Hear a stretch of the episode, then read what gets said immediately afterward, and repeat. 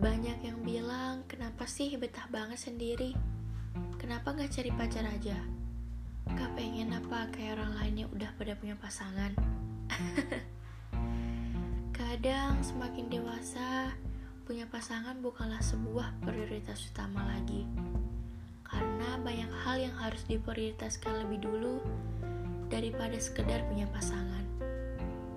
Menjalin hubungan yang baru itu berarti kamu akan mulai percaya lagi dengan orang baru. Memulai semua dari awal lagi, belajar melupakan kenangan dan luka yang pernah ada. Perihal belum bisa membuka hati, bukan karena belum bisa move on atau masih ada rasa. Tapi, ketika semakin dewasa, kamu akan berpikir bahwa menjalin hubungan yang gak serius itu hanya membuang waktu, pikiran, dan tenaga. Capek gak sih menjalin hubungan yang ujung-ujungnya berakhir dengan cara yang sama? Jadi, lebih baik sendiri dulu sambil memantaskan diri untuk mendapatkan yang terbaik daripada harus gonta-ganti pasangan terus. Ya enggak?